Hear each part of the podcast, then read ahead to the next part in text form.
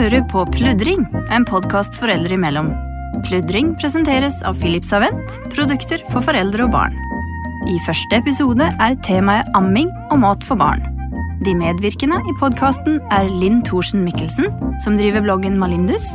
Men når helgen kommer, så skjer det liksom så mye gøy at hun glemmer det ofte. Så jeg er ikke typen som kommer på du, husker du at i dag er det lørdag? Og gjesten hennes er forfatteren og journalisten Susanne Kalutza. Eller som jeg hadde en liten, men veldig søt pirajafisk som forsøkte å spise meg opp, liksom.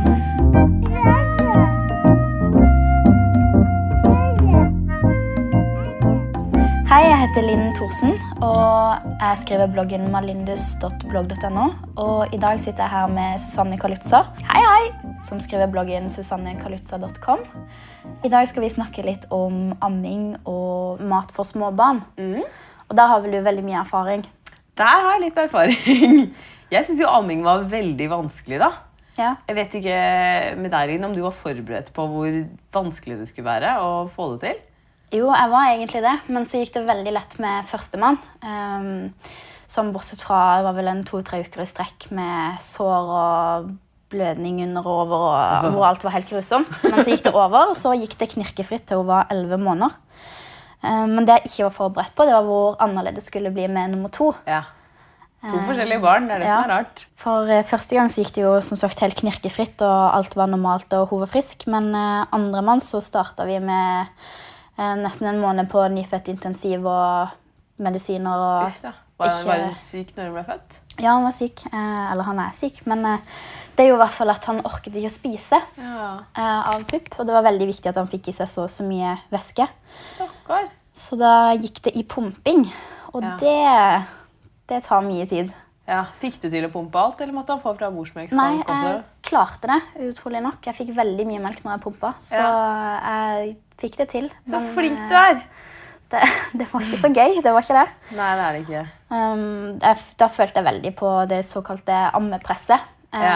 Men kanskje mest fra meg sjøl, for man har veldig høye forventninger. Så at man Ja, for, skal... ja, for Syns du det var et press fra andre, eller er det mest at du føler deg mislykka hvis ikke du får det til fordi du veit at ungen trenger mat, og at puppene dine er lagd for å mate? liksom? Ja, nei, det var jeg. Jeg tror egentlig det var mest meg sjøl. For jeg følte jeg fikk veldig mye støtte fra de på, på altså personalet på Ja. intensiven min at liksom, dette var ikke noe jeg måtte gjøre. liksom. Nei, ikke sant? Eh, men jeg følte på det sjøl at liksom, hvis ikke jeg fikk det til, så hadde jeg på en måte svikta litt. da. Ja, ikke sant? Mammaen min har fortalt meg om det samme, for jeg var prematur når jeg ble født. Ja. Jeg veide 1700 gram.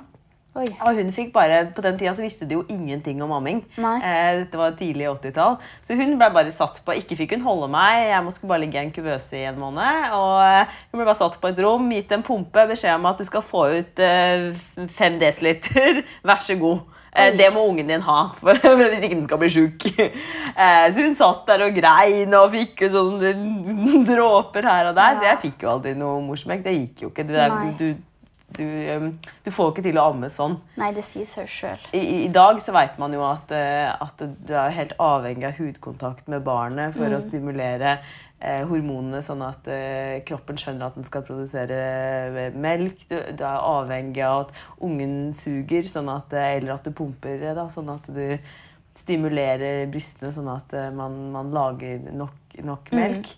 Så det er det jo blitt veldig mye flinkere til på sykehusene. Til å legge til rette for at mor og barn kan være sammen så mye som mulig. Ja. For å øke sjansen for at man får til amminga. Mm, så er de veldig kjekke sånn eh, pumperom med elektriske pumper som fungerte helt supert. Elektriske pumper er gull. Ja, absolutt. Det hadde jeg aldri klart meg uten. Jeg hadde en sånn dobbel elektrisk brystpumpe.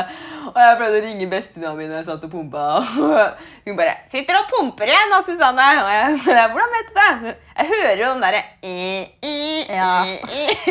lyden av de pumpene. Jeg, jeg var uh, brystmelkedonor, nemlig. Ja. Melkedonor. Um, og det var mest i sånn takknemlighet over at jeg fikk det til sjøl, egentlig.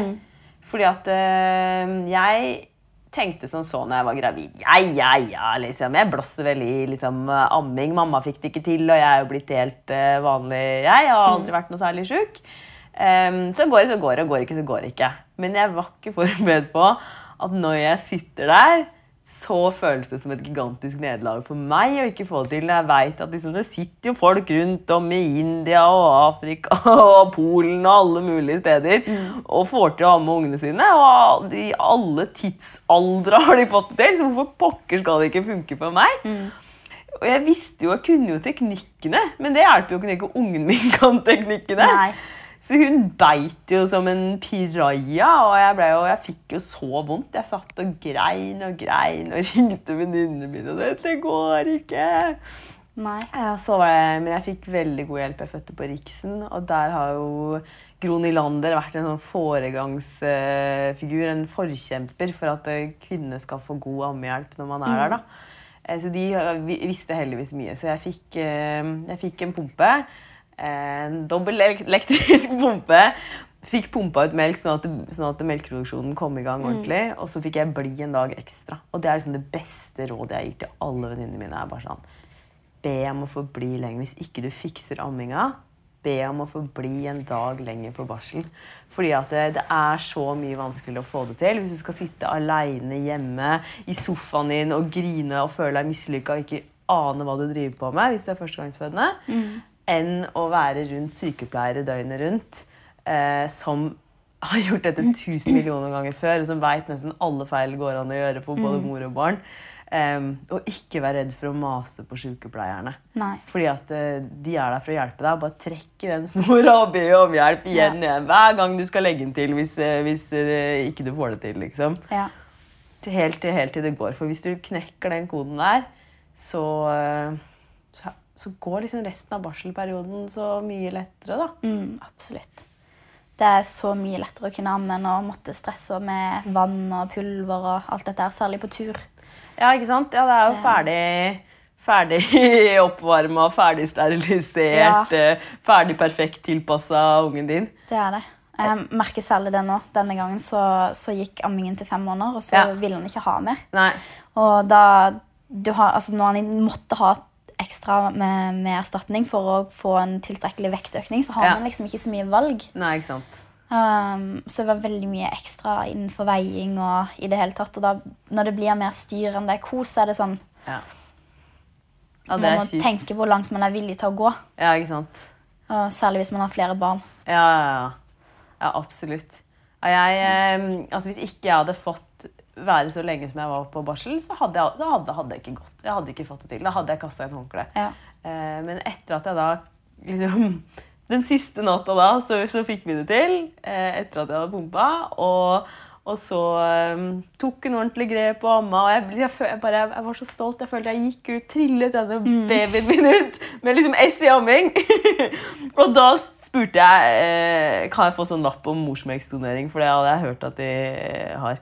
Og så var det pappaen min som sa det til meg. Du som får til å amme så bra, du må jo, du må jo gi melk sånn. Jeg husker mora di som satt og grein og pumpa, liksom. Når det går så fint på deg for deg, så hjelp de andre som ikke som ikke De andre babyene, liksom, som trenger melk, og mammaene ikke får det til. Liksom, de som er sjuke og små. Så da, da, da, da kan man låne sånn dobbel elektrisk brystpumpe, men jeg likte veldig mye bedre den jeg hadde sjøl, så jeg brukte den den var mye mindre og nettere. Det var mange liter melk jeg ga. Jeg ga til helt i åtte måneder. Ja. Men det var så koselig å trille opp det. Du heller liksom over en sånn kopp, og så har du det i fryseren. Og det kjekke med det er jo at eh, hvis du skal ut sjøl, eller hvis jeg skal ut sjøl, så hadde jeg jo alltid noe melk tilgjengelig. ikke sant? Jeg trengte ikke å liksom pumpe opp og foran, for jeg hadde jo et helt sånt forråd liggende i fryseren fra Ja. før av. eh, Som mannen min kunne ta hvis jeg brått eh, skulle et eller annet. Eller hvis jeg hadde lyst til å gå på en bursdagsfest eller noe.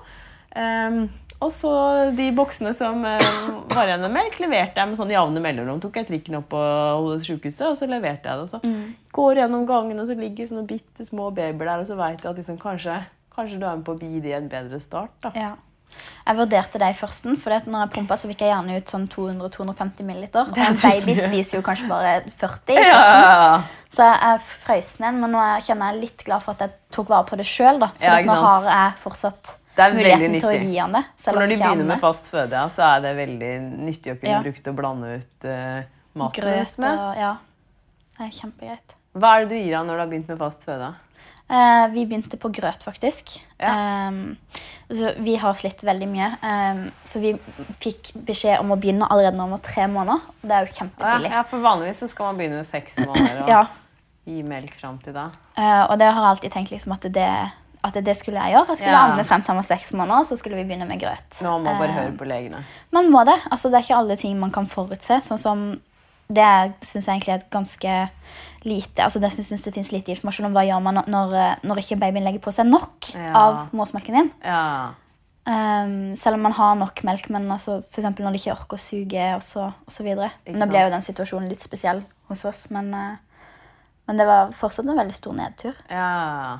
Er en tre måneder gammel baby grøt, for dette ikke han, han legger ikke på seg nok av melken din. Du skal ikke tenke at det var en nedtur. Men jeg skjønner at det føles sånn. Det, det er en opptur, egentlig, fordi du som mor gir ungen din alt den trenger. Og når den trenger grøt, og det er det legene sier, sier, så, så gir du den det. Ja. Så du er, det viser jo egentlig bare at du er en utrolig god mor som setter hans behov først. Ja.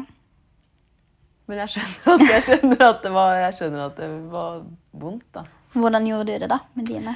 Nei, altså, når, jeg, når den amminga først gikk seg til, så gikk det veldig fint. Og da ville jeg veldig gjerne følge, følge alle reglene. Jeg er veldig glad i regler. Ja. Respekterer det. Så jeg venta liksom til den dagen hun fylte seks måneder. da. Ja. Um, og da begynte vi med litt smaksprøver på avokado, husker jeg. Det er liksom en uh, veldig sunt og veldig fettrikt, så veldig fint å gi. Ehm, og, så, og så skulle man helst ikke begynne med søtt, husker jeg, for da venter man det liksom til smaken av søtt. Det var bedre å begynne med grønnsaksmoser.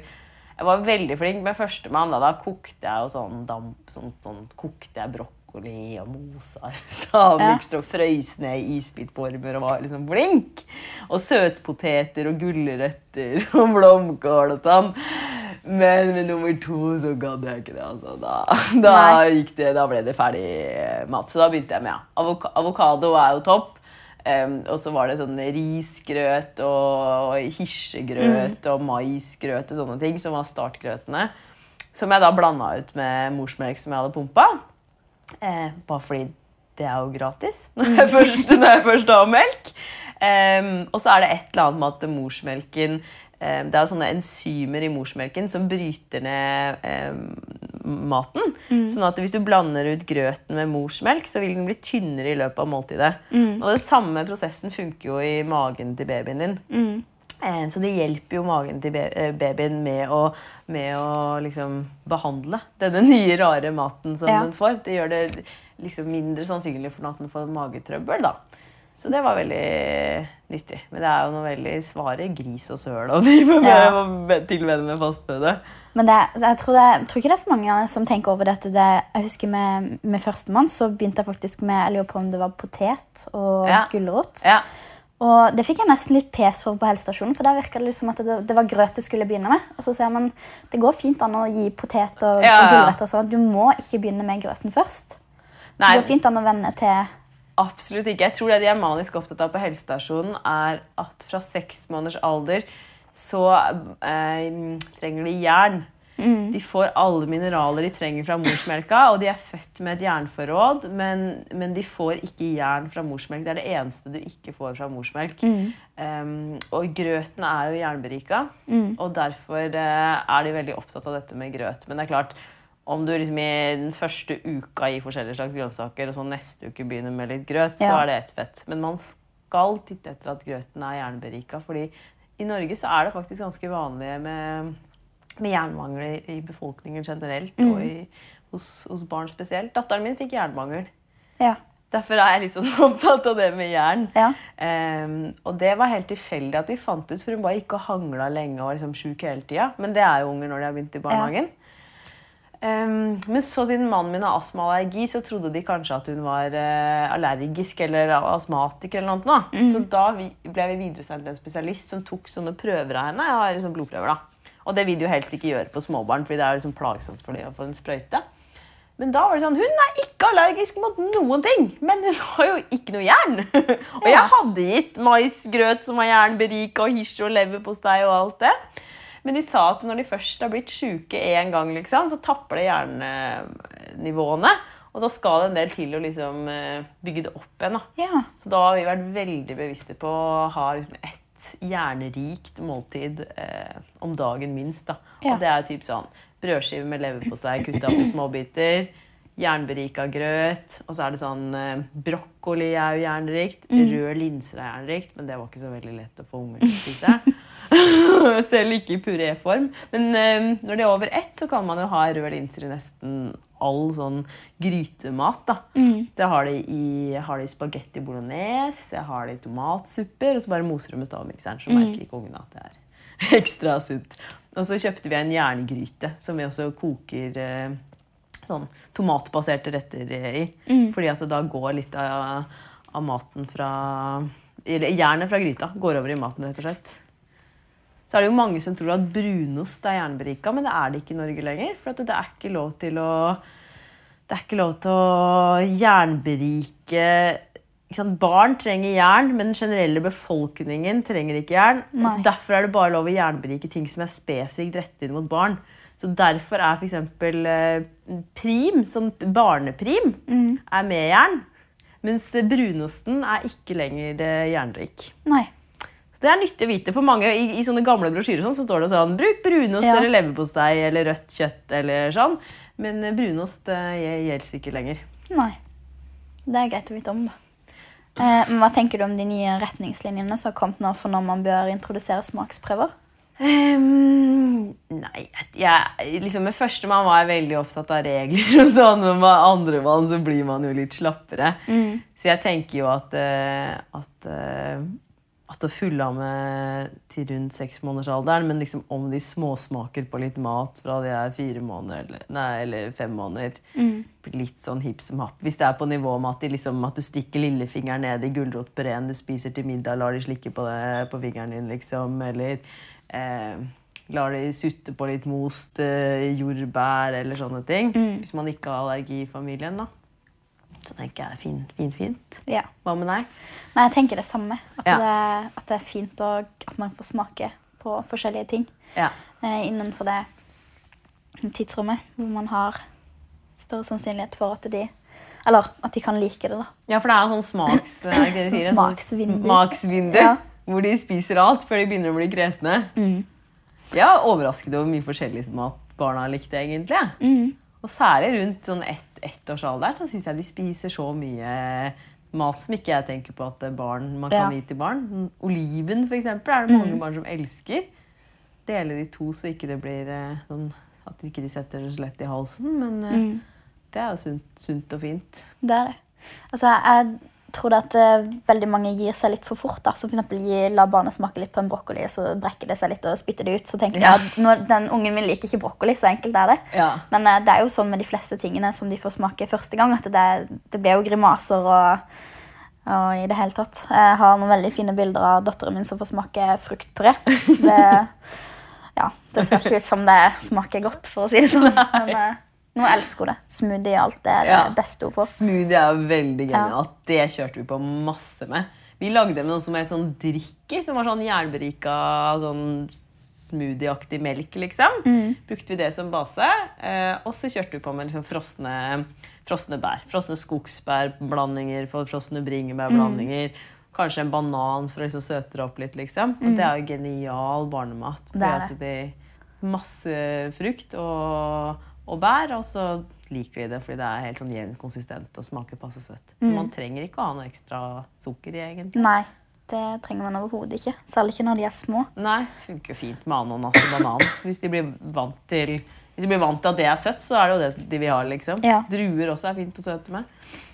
Eh, Hva tenker du om å introdusere sånne søte ting som kaker og godteri og kjeks og sånne ting tidlig? Ja, igjen så var jeg veldig streng, da, med førstemann. Ja. Eh, så hun fikk, gud hjelpe meg, ikke noe kaker eller godteri eller noe som helst nesten før hun var tre år. altså. Ja. Eh, I hvert fall to. Ikke fikk hun se på TV heller. Ingenting.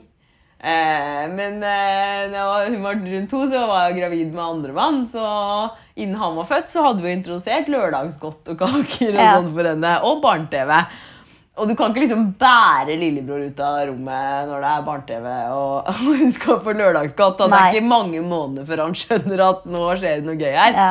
Så han har fått smake på sjokolade og boller og kaker fra han var mye mindre enn hun var. Men, men jeg begynner ikke det med en, se- til en seks måneder gammel baby. Nei. Det er helt unødvendig Ja. å lære dem til eh, å spise kaker til hverdags, eh, liksom. Ja. Bursdag, fint, men vi er jo alle predisponert til å elske søtt, fordi morsmelk smaker søtt. Ehm, så jeg synes det er viktigere å bruke de måltidene man har med, med små barn, til å øve dem på å spise et bredt spekter av grønnsaker. da. Uh, ja. Brokkoli, blomkål, sherrytomater delt i to, Ja. sukkerert og pastinakk og alt sånn. Eh, og barna mine har blitt veldig lite kresne bank i bordet. Det går litt i faser, særlig med eldstemann. Eh, men eh, treåringen han spiser fortsatt nesten alt. Det er veldig, veldig deilig. ja. Så eh, datteren min på seks hun er, har litt mer sånn faser. Så i går var hun sånn Jeg liker ikke skinke lenger. Nei. Det Jeg bare What? Skinke? Det var elsket skinke! Ja. Du er heldig som fikk det så sent, da, for det har vel min holdt på med i hvert fall et år nå. Med sånne perioder med jeg liker ikke saus, jeg liker ikke pasta. jeg liker ikke, ja. Eh, Men jeg tenker i hvert fall veldig litt som det er med angående det å introdusere. Jeg er veldig på det at jeg syns det er lurt at man i hvert fall, Jeg kommer ikke til å gi min nummer to før han er ja, kanskje et halvannet. Nærmere året, ja. Ja. Eh, Malin var vel hun, fikk, hun har vel egentlig ikke fast lørdagsgodt nå heller. Eh, det går Oi. mer på at når hun husker det. Det er Ja. veldig mye mas i ukedagene om godteri Ja. og is og, og sånne ting. Men når helgen kommer, så skjer det liksom så mye gøy at hun glemmer det ofte. Så jeg, jeg, er, Det er fint. jeg er ikke typen som kommer på Du, husker du at i dag er det lørdag? så det, Nei, Da klatrer dattera mi sjæl opp til godteskapet, som er liksom høyt høyt oppe på kjøkkenet. Nei, jeg får veldig høre det. Er du sikker på at ikke det er lørdag i dag, mamma? Ja. Det er mandag gjerne. Så Men det er veldig fint at de lærer seg til at godteri er for lørdager. da. ja, Men da må vi voksne være flinke òg, for det nytter jo ikke hvis mamma står og liksom momser sjokolade bak ryggen deres på en mandag. Som jeg kanskje har gjort noen ganger. Ja, jeg det. Pass på å ikke bli ferska. Ja. For Vi har jo lett for å gjøre det hver dag til en anledning. liksom. Altså, Sånn, å, skal vi kose oss litt? Det regner. La oss eh, steike vafler. Og Mm. vi har besøk av en venninne fra barnehagen. Da kjøper vi boller på hjemveien. Og så skal vi på teater i helga, og da er det kokosboller eller sjokolade. Og så er det bursdager er det jo øst og vest nå. Ja. Så jeg synes at det lett blir sånn at det, at det er mange festdager i løpet Ja. av en eh, uke. Da. Så prøve å klemme det inn til lørdagen tror jeg er lurt. Men jeg syns det er vanskelig sjøl, altså. Ja, jeg synes òg det. Men jeg tror det at hvis man blir litt mer, altså at man tar et bevisst valg på det, så blir det litt lettere å, holde det. Altså Ja. Hvis man tenker mye over det, da, at det er en viktig ting. At det ikke må det egentlig være godteri og søtt for at det skal være kos. Ja. Det er der smoothien har kommet inn i bildet for Ja. oss. Det funker veldig fint. Fruktsalat og Fruktsalat er gull. Jeg fryser ned eh, yoghurt i sånne isbitformer. Mm. Eh, helt vanlig yoghurt. Og, og legger det på fat så ungene kan spise. Eh, det funker jo bare når de, ja, ikke når de ikke kan sette, sette de ting i halsen lenger. Eh, frosne druer er helt Mm. genialt. Det smaker så søtt. Uh, deler de to for minstemann. Uh, Dattera mi bare spiser det som det er. Det kan heller være sånne ting som er liksom hverdagskosen. Jordbær, Det er så mye bær man får tilgjengelig året rundt nå. Mm. Ja. Blåbær, bringebær og, og jordbær er jo supert, liksom. mm. Men jeg er veldig opptatt av matpakker også, jeg, da. Ja, det har jeg fått med meg. Ja. Nei, Det begynte med at datteren min eh, var ett og skulle begynne i barnehage. Mm. Og jeg tenkte at eh, ja, jeg fikk beskjed fra barnehagen at vi skulle ha med litt mat til frokost. Og så skulle de ha med ett måltid som de spiste rundt klokka 11, og ett mat som de spiste rundt uh, halv tre. Det er veldig lenge å bare spise brødskiver, tenkte jeg. Mm. Så her må, jeg finne på, her må jeg finne på noe. Så jeg fikk tak i en sånn matboks med flere rom. Um, og det gjør det jo litt lettere å huske å sende med grønnsaker eller liksom fiskekaker, fiskepudding, hardkokt egg, sånne type ting. da. Em, og det syns jeg, ja, jeg er en viktig del av, av kostholdet til barn, rett og slett. fordi at de, de er jo i barnehagen ofte fra åtte til langt over fire. Em, så det er mye vanskeligere synes jeg, å klemme fem om dagen frukt og grønt inn bare til middag Ja. enn hvis man har liksom kunnet spre det litt tynt utover hele dagen. da. Og sendt med sukkererter, oliven, eh, paprikabiter, eh, sånne ting i matboksen. Mm. Har, de, har, har dere varmmat i barnehagen, eller? eh? Ja, jeg syns det var litt trist når vi begynte. Jeg var tre og et halvt og liksom gledet meg veldig til dette her med å begynne å kunne smøre nister og gjøre litt sånn Oi, nei, sånne ting. veldig, ve- veldig misunnelig på deg. Men uh, det ble jo ikke noe, for de har alle måltider i barnehagen. Hva slags mat er de lager da? da? Eh, de har vel brødskiver og knekkebrød, den type ting. Og så har de frukt to ganger om dagen. Ja, Og så har de varmmat med litt tror, De har ikke det hver dag. Eh, det har de ikke. Men eh, de har, eh, de har det i hvert fall to dager i uka, tror jeg. Det er jo kjempefint. Ja, så det, det er veldig greit. Og så når de skal på tur, sånn, så smører de niste sjøl i barnehagen. Ja, det er koselig. Så det er litt sånn stas. De har matbokser og sekk og alt i barnehagen som de Ja. bare styrer sjøl. Og det hørtes nyttig ut. Ja, så det Så får jeg ta det igjen når hun begynner på skolen. Ja, ikke sant? Slett. Eh, Linn, hva gjorde du når du skulle ut etter at du hadde fått barn? Hvordan løste du det i forhold til amminga? Um, Førstemann var åtte måneder, og da sov hun i samme hus. Mm. Så det var, Veldig modig mamma. det var ikke så veldig mye problem. Det var bare å gå og gi den puppen. Ja. Um, men med andre mann så hadde jeg, da hadde jeg liksom litt større behov for det for egen tid. Mm. Uh, Det var et ganske sånn, vanskelig svangerskap, så jeg, jeg kjente virkelig det behovet kom ganske fort. da. ja, Og som tobarnsmor så har du et barn klengende oppå deg stort sett Ja. 24 timer i døgnet. Så bare kunne være litt for seg sjøl i en uh, liten stund, det er veldig gull verdt. Det er det. Uh, men det løste jeg med pumping i, Ja. i førsten. Nå får han jo bare flaske. Ja. Så det, det er jo en av de fordelene man har med Eller det kan man jo for så vidt ha med når man ammer, men det er litt mer styrete i forhold til pumping. Ja, for jeg har, ikke, jeg har aldri fått til å gi flaske til mine. Um, hver gang jeg skulle ut og vi skulle bruke frossenmelka mi, så, eh, så måtte mannen min gi på kopp. Og det tar forferdelig Ja. mye lengre tid å sitte og lirke det i en baby. Det Ja, ja, funker. De, de liksom slikker det i seg som en sånn liten kattepus. Men, eh, men det er litt styrete, altså. Ja, det tror jeg på. Eh, men sånn løste vi det. Eh, så var det, er det vel kanskje litt greit å, å vente med å gå ut til man har fått ammingen sånn skikkelig i gang, og føler at, altså at man føler seg trygg på at det går greit. da. Ja. Eh, så ikke man ødelegger noe der. Ja, første gangen så følte jeg liksom veldig press for å liksom, eh, komme tilbake til livet mitt tidlig. Og liksom, etter to uker var venninnen min sånn Ja, men nå har du vært borte lenge, liksom. Så skal ikke du snart være med på fest igjen? Og du har ikke kunnet drikke på ni måneder. Og tjoho, nå må vi feire, liksom. Så når jeg liksom venta helt i seks uker før jeg liksom gikk ut på kvelden, så følte jeg liksom at jeg hadde venta en hel evighet. Ja. Og jeg husker jeg dro på Kunstnernes hus, og det var en sånn magasinlansering og masse folk. Og sånn. Og så ble jeg stående og prate med noen damer som var eldre enn meg. De var sånn 40, og de var sånn Ja, hvem er du, og hva gjør du, liksom? Så ble jeg, ja, nei, jeg, det første gangen jeg er ute, så er jeg litt stressa da, for jeg har en baby, og ja, hvor gammel er hun? Så bare Hun er seks uker. Og de ble seks uker! Jeg var ikke ute, for ungen min var ni måneder! Og da følte jeg meg både ganske teit eh, og litt glad. Ja. For å høre at liksom De var helt sånn kule damer som jeg ser opp til, og som er eldre enn meg og har kule jobber og er fine og bra mammaer. liksom. Men at ikke jeg liksom måtte, måtte på død og liv ut eh, med en gang igjen. da. Mm. Så ringte jeg mannen min for å høre åssen det gikk hjemme. Og så høres det bare ut som noen torturerer i hjel datteren min i bakgrunnen. Hylskriker. Han bare 'Det går bra, så jeg bare får henne ikke til å drikke.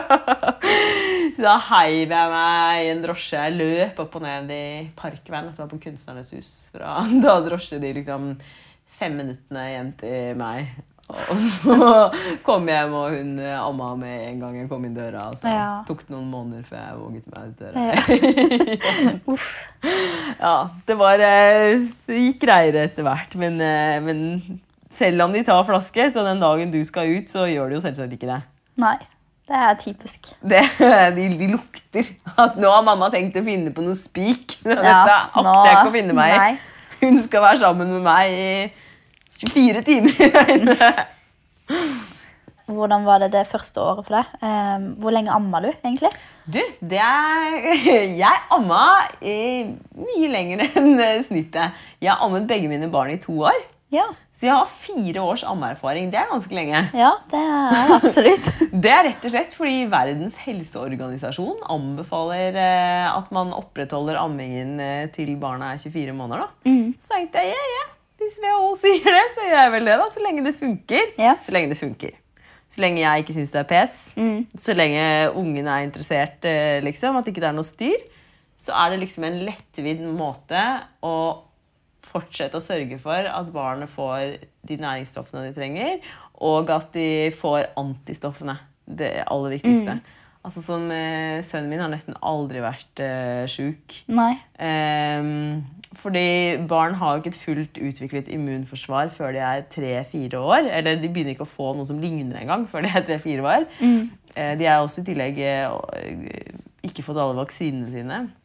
Så de er jo mye mer sårbare enn oss, men mens når man ammer, så, så får de jo alle, en liten dose av alle mine antistoffer eh, over med en gang. Så det er nyttig, hvis man kan, å få det til og ikke det er styr, eh, å fortsette, eh, å fortsette også over ettårsmerket, da.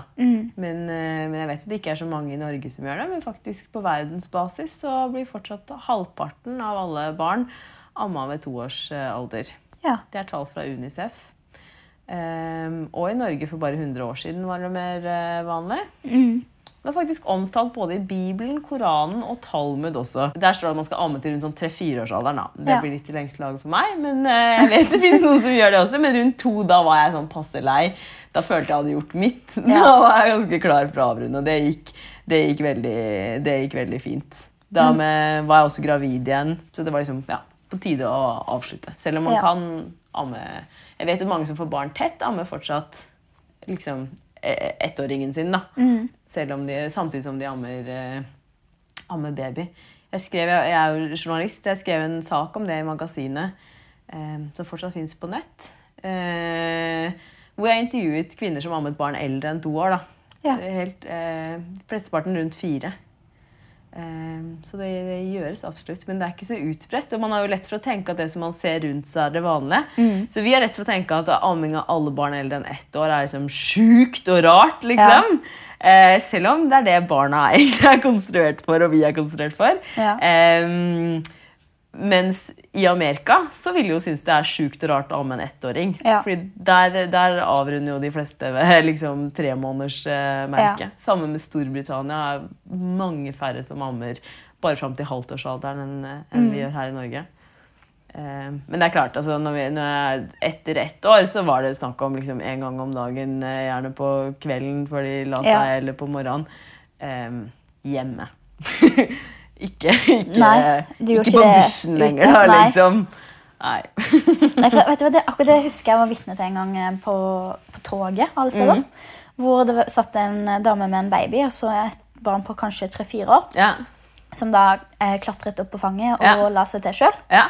Og da husker jeg satt liksom, så ble jeg litt sånn satt ut. Så, så tenkte jeg, hvorfor blir jeg egentlig satt ut nå? For det er jo en helt naturlig ting. Jeg jeg syns det er veldig tøft gjort av henne. Jeg ville nok ikke turt det sjøl, men Nei. jeg tenker at det er ikke noe det er ikke noe rarere det egentlig enn at uh, du ser en som ammer en to måneder gammel eh, baby. Det er, bare Nei, det er jo egentlig ikke det. det er bare at det er et veldig uvant syn. Ja. Og mange blir støtt av det og provosert av det. Og forbinder pupper med seksualitet og Mm. syns det er kvalmt og ekkelt og sjukt og rart. Men liksom Ja. Det, det er sånn det gjøres i store deler av resten av verden, og sånn det var gjort i Norge eh, inntil liksom eh, Inntil amming ble sett på som noe sånn arbeiderklasse som ikke liksom de fine folka skulle holde på med. Og man fikk i tillegg veldig dårlige ammeråd, og morsmelkserstatninga kom, og man så på det som liksom noe høyvitenskapelig og mye flottere Ja. enn det liksom naturlige og ekle som morsmelk ja. sto for. Og, og ammetallene raste på 50-, 60-, 70-tallet før, før man fikk gjort en innsats eh, i Ammehjelpen og Nylander og co. Og, og gitt folk ordentlige ammeråd igjen, rett og slett. da. Hvordan følte du det med offentlig amming? da? Nei, jeg synes det var Jeg grudde meg fælt første gangen. det, var virkelig en, det var virkelig en barriere for meg. Jeg, eh, jeg er ikke typen som soler meg toppløs. Jeg er ikke sånn som flashy. Jeg liker ikke å bli sett. Jeg liker ikke å kle av meg. Liksom det, det føltes veldig veldig rart at jeg skulle liksom vippe ut puppen på et offentlig sted. Ja. Men, eh, men det blir jo en vanesak som alt annet. Det gjør det. Hva, hva tenkte du? Uh, jeg syns det gikk overraskende greit. Ja, Um, det var litt kjedelig den perioden hvor hun slapp mye. Det er veldig kjedelig. Særlig hvis man sitter på et litt uh, offentlig sted som en kafé. eller noe sånt. Og... Jeg gikk ikke så mye på kafé den fasen. jeg. Nei. det, det var litt upraktisk. Ja. Men sånn bortsett fra det så syns jeg egentlig det gikk veldig greit. Ja. Det, var liksom, det føltes så naturlig. Jeg Ja. tenkte ikke over det, liksom, sånn, egentlig. Eh, Men hvis man føler det veldig på det, så går det jo fint an å kjøpe sånne, sånne ammesjal eller sånn Ja. bare dekke seg lett til. Men jeg syns ikke det er noe man skal føle at man må, Må. gjøre for andre. Nei, for i mer puritanske land enn eh, Skandinavia så eh, får du liksom sure blikk liksom. Hvis du reiser på ferie til eh, ja, f.eks.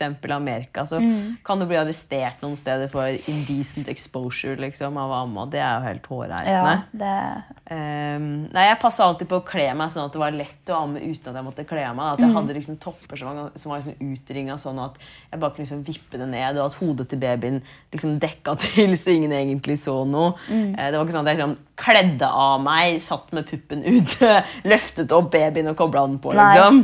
Det var, det var jeg, prøvde å gjøre en sånn elegant liten bevegelse som, som, som gjorde at ikke, at ikke det ble så Å snu meg litt bort. Eh, og sånn. Men ja, det, blir, det er sjokkerende hvor fort jeg blir vane. Til slutt så liksom åpna jeg døra når gjester ringte på liksom, med henne kobla på. liksom. Det husker jeg godt selv. At man, man ammer overalt og i alle mulige rare stillinger. Og Ja, ja, ja. gående og sittende. Og, Ja, ja. Jeg amma i kirken på julaften, eh, husker jeg. ja. ja, jeg husker jeg måtte det under dåpen til, til minstemann. Og det, da hadde jeg tatt meg en veldig upraktisk kjole, så måtte jeg dras ned bak og virkelig Det var ikke så vekk. lurt. Nei, jeg skjønte fort at det var et dårlig klesvalg. Så Bunad på 17. mai, det også røyk ut i den perioden jeg amma. Det, Med sånne seg selv. stikkete søljer og masse kjempevanskelig å få seg. Ja. Nei, fint, fint utringa ting. Man trenger ikke å kjøpe egne ammeklær heller. Jeg vet det fins, men jeg synes liksom bare så lenge du klarer å liksom vippe ned utringinga di Ja. tilstrekkelig. Og skjorter og sånn er kjempepraktisk. Ja, bare ja, skjorter er og helt ned. gull. Og, ja, Og jeg hadde mye sånn skjortekjoler også. Funker Mm. helt strålende. det gjør det. Men hadde du noen problemer underveis? Hadde du noen altså, perioder med f.eks. sårhet osv.? Jeg hadde ikke noen problemer eh, etter de, etter de første ukene, liksom. På, som jeg var på sjukehuset og sleit og grein, og hun beit, og jeg fikk sår, og alt var fælt. Så gikk det veldig greit. Mm. Hva med deg, Linn?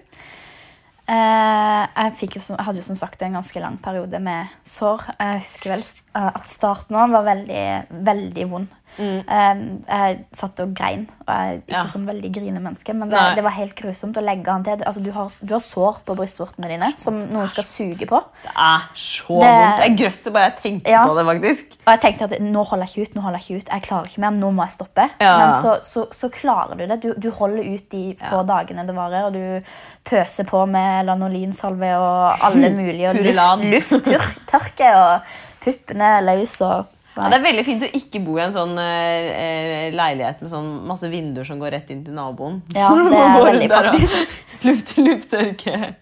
Men eh, det, det går jo over.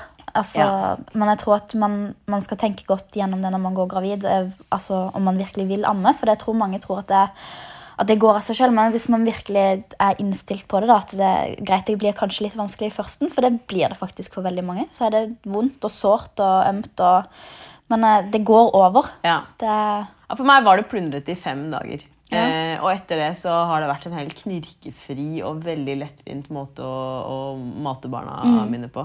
Bestevenninnen min, som jeg har kjent siden jeg var to-tre år, hun fikk ikke til amming med førstemann. Hun fikk veldig dårlig råd, og det var vanskelig og ja, mange grunner til at ikke det funka. Og da jeg hjalp henne da, og prøvde å finne råd, og jeg fant nummeret til Ammehjelpen på nett. og da kan du jo Der står det telefonnummer på sånn ammehjelper i ditt område, som gjerne er sykepleiere som kan ekstra mye om amming, som du kan ringe til eller maile og få tips og råd. Og sånn.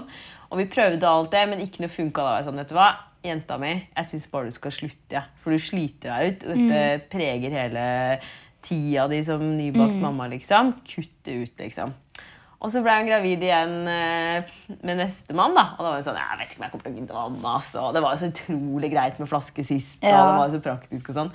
Men så fikk hun det til helt uproblematisk denne gangen. da. Ja. Og så går det så fint. Og så er hun sånn Åh, så deilig å slippe å sterilisere flasker. Og Ja. liksom.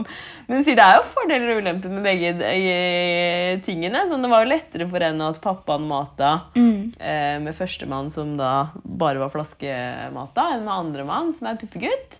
Men, eh, men hun sier sånn når det går liksom, så er det jo kjempefint. Absolutt. Eh, men man skal ikke føle seg dårlig hvis man ikke får det til. Min holdning til det er at det er ikke din feil, det er helsepersonalets Ja. feil. Det er sykehuset som ikke har gitt deg godt, godt nok, god nok råd og god nok oppfølging. Det er ikke du som har svikta som mor. Det er ikke din feil på noe som helst vis. Det er helsevesenet som ikke har fulgt deg opp godt nok. Før så lå jo mammaene våre lå jo på barsel i to uker. De. Det er Ja. klart at det er lettere å få til amminga nå, og bare mellom jeg fødte første gang og jeg fødte andre gang, så kutta de liggetida på barsel med én dag, og det gjør de bare for å spare penger. Og det betyr at de aller fleste damer i dag blir sendt hjem før melka kommer. Og da er det veldig vanskelig å få til, få til amming. Det er det. For 50 år siden så vokste man jo opp i familier med masse unger. Du bodde nær tantene og onklene dine. Det var, du var omringet av barn eh, og babyer hele livet fra du var lita. Og da så du folk som mamma. Du visste mer hva du gikk til. Jeg hadde aldri holdt en baby før jeg holdt min egen. jeg. Jeg visste ingenting om barn. Eh, så vi stiller jo veldig mye mer uforberedt enn en noen som er vokst opp i en familie med seks søsken. Eh, og, har sett, sett babyer bli mata av mammaen sin hele oppveksten gjennom. Liksom. Og i tillegg av kusiner og tantebarn. Så jeg syns virkelig at man skal eksternalisere den, eh, det sinne og irritasjon over ikke å få det til. Hvis man er sint eller irritasjon eller sånn, over på over på syke, sykehuset som ikke hjalp deg godt nok. For det er det de er der for. Det er det. Så må man ikke være så redd for å spørre etter hjelp. Eller, Definitivt. for det fins jo. Det fins ammepoliklinikker, det fins Ammehjelpen, som er en frivillig organisasjon. og Man kan alltids ringe barsel og spørre også. Så er det noen helsesøster som er flinke til å gi råd, og så er det noen som ikke er det, dessverre. Men eh, ofte så er det jo bare enkle ting som endres. Som f.eks. stillingen til barnet og, Stillingen til barnet. og i det hele tatt. Så det er ofte ikke så veldig mye som skal til. Nei, det er det som er. At det, ikke sant? Egentlig så er det jo lett. Liksom. Kuer får det til, Ja. kattunger får det til, alle får det til.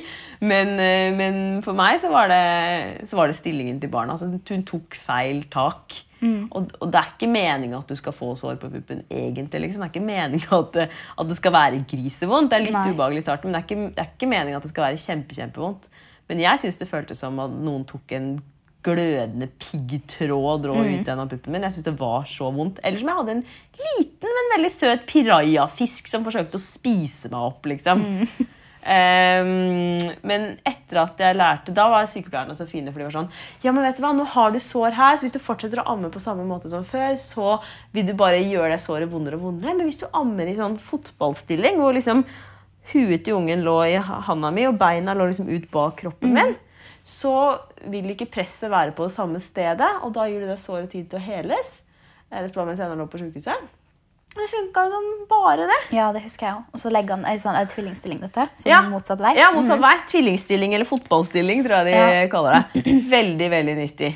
Og så var det jo dette med at leppa skulle være bretta ut, og at du skulle se at haka deres jobba når de, når de spiste og sånn. Så med en gang jeg så at hun ikke gjorde det, for det gjorde hun jo da ikke så mye av i starten, så stakk jeg lillefingeren inn i munnviken hennes for å bryte vakuumet og kobla henne av og prøvde på nytt. Og prøvde på nytt, og hver gang ringte jeg på bjella etter sykepleierne. 'Kan du komme og se på mens jeg legger til? Kan du se om vi gjør det riktig?' Eh, og lot henne ikke spise med feil tak, for det var det jeg gjorde feil. Eh, de første dagene hvor alt bare ble vondt og jeg bare gråt og hadde det fælt. Men når vi da først knakk den koden og fikk det der riktige taket, så kunne jeg jo ja, amme stående og gående og hoppende og dansende omtrent. liksom. Ja. Eh, en annen ting som er greit å vite, som, særlig som førstegangs, det er jo dette med økedøgn. Mm. Det er ikke du som ikke har nok mat til babyen din, men det Nei. er babyen som prøver å få deg til å produsere mer melk. Ja. Og det er noe alle går igjennom. Ja. For uh, jeg leser så mange som føler seg, altså, at ikke de har nok mat til babyen sin og vil ha mat hele tiden. Og, Ja. Nå, han blir jo aldri fornøyd, men uh, du, man har jo stort sett nok. ja. Det, Hadde du mye økedøgn, eller, Linn? Jeg hadde ikke så veldig mye med andre, for da pumpa jeg jo veldig mye. Men Ja. eh, første hadde jeg veldig, jeg følte jeg hadde det annenhver uke. Ja, ikke sant? Så Jeg var så uforberedt på hvor ofte de ville amme i starten. Um, jeg husker at jeg kunne føle at jeg satt pal i sofaen fra klokka tre til midnatt og ikke gjorde noe annet enn å amme de første ukene, for ikke å si månedene. ja. Um, Det heter seg liksom i bøkene så står det sånn Ja, ja, de ammer sånn 68 ganger på da, i dagen. Jeg bare What?! Min ammer 25-35 ganger i løpet av dagen. Men det er klart, gradvis er, Så går ukene, og så spiser de mer effektivt, de bruker kortere tid, de samler det opp til større måltider, og så blir det en sånn 68 ganger i døgnet. Men Jeg følte de første ukene. de første ukene at det, altså, hele kvelden det var bare en eneste lang ammeøkt. Ja, ja sånn var det da. Jeg satt og så på Jordmødrene på NRK nett-TV liksom, Ja. og, og amma non-stop. Hvor la- lang tid syns du det gikk før det gikk lettere?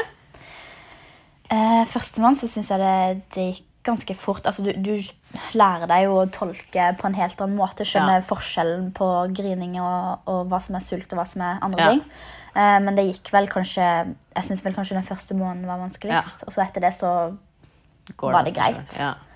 um, Mens andremann så tok det veldig lang tid. ja. Det var jo ikke helt forberedt på. Nei, ikke sant? Man skulle jo tro det var omvendt. Ja, Det sant? er? Greit å være forberedt liksom, på at det, at det kan være forskjellig fra gang til gang. Ja. Eh, og det kan jo gå begge veier. Ikke Eh, sant? mm. Jeg synes at de første seks til åtte ukene Etter det så syns jeg liksom at det merkbart går alt greiere, liksom. Mm. Og så kommer det sånne ja, Etter tre-fire måneder så går det enda lettere enn det igjen. Og så syns jeg det blir lettere og lettere. Mm. Så en liksom varm hilsen til alle som sitter med en nyfødt baby nå. Det blir ikke tøffere enn dette. Dette er det tøffeste Ja. det er. Det går bare oppover herfra. Det gjør det. Absolutt. Til slutt så føles det som at eh, du har så mye fritid og det går så lett at du får lyst til å få en unge til. Ja. Bare for å gjøre livet litt vanskeligere igjen. Yes. Har du hatt, eh, opplevd tette melkeganger, Linn? Ja, det har jeg opplevd en gang. Og det var etter en lang dag med fly og sånn kronglete sittestillinger Ja. og stram BH. Det var Stram det BH. som var utløsende. Og da begynte det med at det, det gjorde sinnssykt vondt i Ja. det ene brystet. Ja. Og å legge han til på den puppen, det, det, det var rett og slett helt grusomt. Det kjentes ut som noen hadde slått meg skikkelig hardt. Det var sånn ond, eller sånn øm, vond klump. Stakkar! Eh, og det, så kom det sånn utover kvelden. Jeg fikk en sånn feberfølelse. Jeg følte meg skikkelig syk. Uh, men eh, det løste seg heldigvis veldig fort. Med, jeg tok et veldig varmt bad og Ja. masserte mye. Og så amma jeg mye på den puppen. Jeg Ja. amma vel kun på den puppen den natta. Ja. Uh, det var grusomt når det sto på, men så var det over i løpet av dagen etterpå. Yes. Skjønte Men du hva det var? mye Ja, jeg skjønte det. Jeg Ja. googla. Ja. Google, altså. Google vet alt. Ja. Så da, da løste det seg. Det er jo veldig vanlig. Jeg har hørt det er mange som opplever det. Det Mm. og bryst, brystbetennelse. Ja, det har jeg sluppet unna. Ja, jeg har også sluppet unna det. Det er vel at man, Hvis man sitter og ammer i gjennomtrekk, Mm. og så hvis man blir for kald, så man må, skal helst gå med sånne ullinnlegg Ja. eh, som man får kjøpt på apoteket. Mm. Eh, det husker jeg gikk med hele tiden. Det var veldig deilig når jeg slutta med å kunne kaste de ullinnlegga. Altså. Eh, men jeg slapp i hvert fall brystbetennelse, og det har jeg hørt er veldig fælt. Så det er jeg veldig glad jeg slapp. Så Mm. Ja. det var vel verdt det. Det var kjempekjekt å få snakke med deg i dag, Susanne, og få høre dine erfaringer og råd og tips. Takk det samme, Linn. Det er veldig rart hvor mye av de samme erfaringene man har, selv om man er forskjellig alder og har barn i forskjellig alder. Ja, absolutt. Eh, vil du vite mer om meg og mitt, så kan du gå på malindus.blogg.no.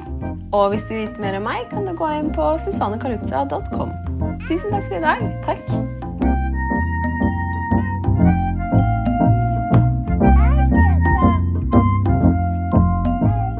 Du har nettopp hørt Pludring, en podkast foreldre imellom. Pludring presenteres av Philips Avent, produkter for foreldre og barn. I neste episode får vi høre Susanne Kalutza, som var gjest i dagens program, med Stine Skoli, som er mamma til tvillinger og driver bloggen Speiltvillingene, om emnet mammakroppen. På vår Facebook-side får du tilgang til bonusmateriale, muligheten til å stille spørsmål til deltakerne, og være med og påvirke innholdet i neste episode. Gå inn på facebook.com slash philips.avent.norge.